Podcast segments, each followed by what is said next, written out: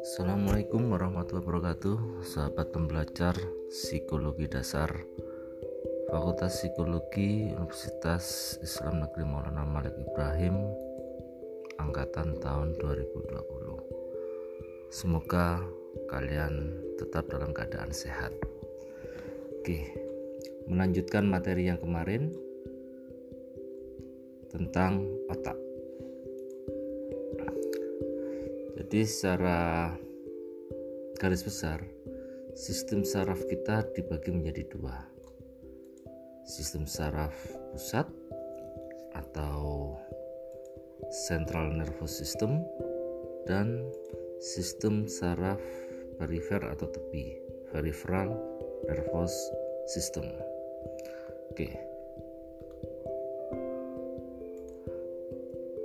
Pada sistem saraf pusat uh, pusatnya ada di otak dan juga di medula oblongata atau spinalis atau saraf tulang belakang. Secara umum berfungsi untuk menerima, memproses, menginterpretasikan, menyimpan informasi, dan mengirimkannya ke berbagai otot, kelenjar, dan organ tubuh. Oke, menerima itu bahasa psikologinya adalah sensing, sensasi. Memproses itu akhirnya dia ada pemilahan, ada atensi di sana.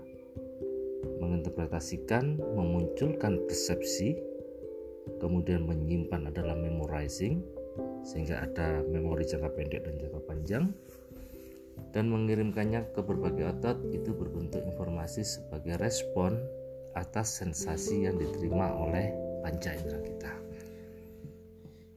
Oke, kalau saraf tulang belakang eh, ini merupakan basis pendukung kerja otak. Jadi di saraf tulang belakang di susun tulang belakang kita uh, ada garis tengah di punggung. Itu terdapat sekumpulan neuron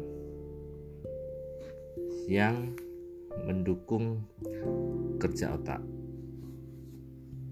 Itu secara garis besar tentang sistem saraf pusat. Mengenai sistem saraf perifer atau saraf tepi ada dua eh, sistem saraf somatis dan sistem saraf otonom. Nah sistem saraf somatis ini terhubung dengan sensor-sensor yang ada di tubuh kita.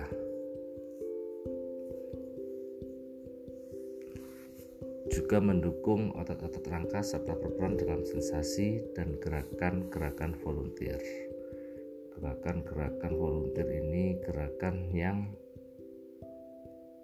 tidak disadari seperti menggaruk, bersin, batuk. Nah, gerakan-gerakan yang merespon dari sensasi yang kita terima. Sistem saraf otonom ada, ada sistem saraf somatis, ada sistem saraf otonom pada saraf tepi. Sistem saraf otonom ini jauh lagi dia mengatur sekresi kelenjar-kelenjar atau hormon yang ada di dalam tubuh kita. Dan murni karena disebut otonom murni tidak melibatkan uh, kesadaran karena kerjanya sudah otomatis. Tidak bekerjanya secara otonom itu bisa membuat eh, apa kegagalan fungsi vital dari tubuh. Saraf otonom dibagi menjadi dua ada saraf simpatik dan ada saraf parasimpatik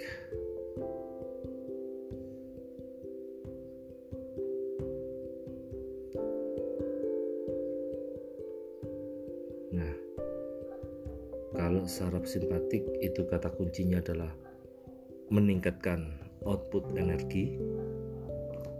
Saraf parasimpatik dia bekerja secara uh, preserving energi, beroperasi dalam keadaan istirahat. Nah, semua sistem saraf melibatkan sistem uh, apa? Sistem komunikasi jadi yang disebut sistem saraf itu ada pelibatan sel terkecilnya namanya neuron Anda bisa browsing di YouTube tentang neuron tentang tangan-tangan neuron yang disebut sebagai dendrit dan hubungan antar neuron yang disebut sebagai sinapsis sebenarnya uh, cara kerja neuron ini murni elektrokimiawi. Jadi impuls yang dihantarkan informasi itu sebetulnya impuls yang dihantarkan antar neuron yang membentuk pola tertentu. Jadi Anda merasakan sesuatu maka ada banyak pelibatan neuron dalam meneruskan sesuatu yang Anda rasakan untuk diproses di otak kita dan diberi label katakanlah kulit Anda bersentuhan dengan benda yang suhunya tinggi. Nah, ketika kulit Anda memegang atau bersentuhan dengan suhu tinggi tersebut kemudian di otak ngomong itu panas, maka itu melibatkan rangkaian neuron dari saraf reseptor yang ada di kulit kita sampai pada pola memori label panas yang ada di otak kita. Yang dihantarkan itu apa? Impuls listrik. Bagaimana dihantarkannya? Nah, ini ada reaksi kimia. Artinya, impuls listrik itu menyambungkan antara satu neuron ke neuron yang lain melalui dendrit tersambung manakala ada yang namanya sinapsis jembatan. Nah, jembatan ini ternyata uh, fungsi dasarnya adalah fungsi dasar kimia. Nah, ketika belajar tentang sistem saraf dan otak, saya selalu memberikan penekanan bahwasanya otak kita itu selalu bekerja optimal, even dalam keadaan kita tidur, dan kerjanya cepat karena saya meyakini apa yang terjadi pada otak manusia adalah sebuah keajaiban. Sehingga otak kita itu tidak pernah benar-benar tidur, tidak pernah beristirahat. Bahkan orang yang stroke pun itu hanya sebagian yang tidak bekerja, yang lainnya tetap bekerja. Tidur fully bekerja. Apalagi dalam keadaan sadar. Jadi kalau kalian mau membuli teman-teman kalian, jangan pernah menggunakan nggak ada otak lo. Karena semua manusia pasti berotak dan otaknya pasti bekerja. Even kalian sebut dengan label tolol bodoh ataupun yang lain. Yang jelas otak itu bekerja dan kerjanya didukung oleh sel neuron-neuron ini oke semoga sampai di sini teman-teman paham bagaimana cara kerja otak kita. Jadi melebihi kecepatan cahaya atau sama, minimal samalah dengan kecepatan cahaya.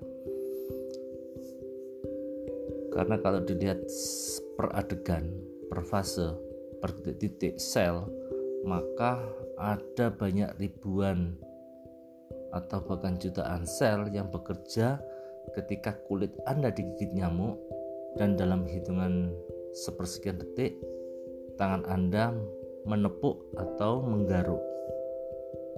Jadi nyamuk gatal garuk atau tepuk kan gitu ya. Kalau di apa? Kalau di bisa-bisa.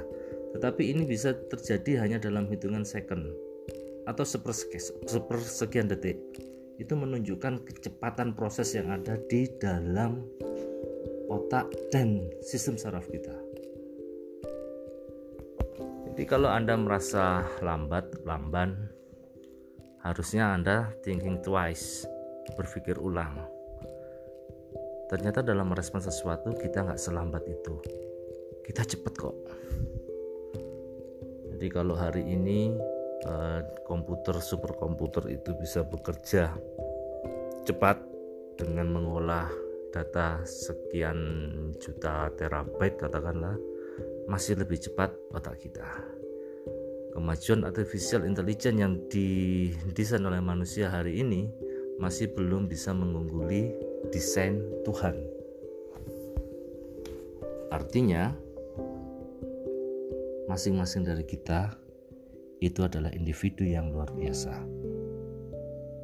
Jadi kalau sudah belajar otak dan sistem saraf, kemudian kalian masih nggak pede, kalian harus belajar lagi. Karena begitu kita memahami kerja saraf yang ada dalam tubuh kita masing-masing, kerja otak yang ada yang kita miliki, maka kita harus yakin bahwasanya kita adalah makhluk yang luar biasa. Kita adalah manusia cahaya. Saya selalu uh, memberikan penekanan seperti itu pada teman-teman yang belajar tentang otak. Jadi selagi kita belajar otak, pahamilah bahwa kita adalah makhluk yang luar biasa, sebuah keajaiban, dan kita adalah manusia cahaya. Oke, eh, cukup sekian eh, nutrisi tentang sistem saraf dan cara kerja neuron. Kita akan ketemu lagi dalam diskusi selanjutnya.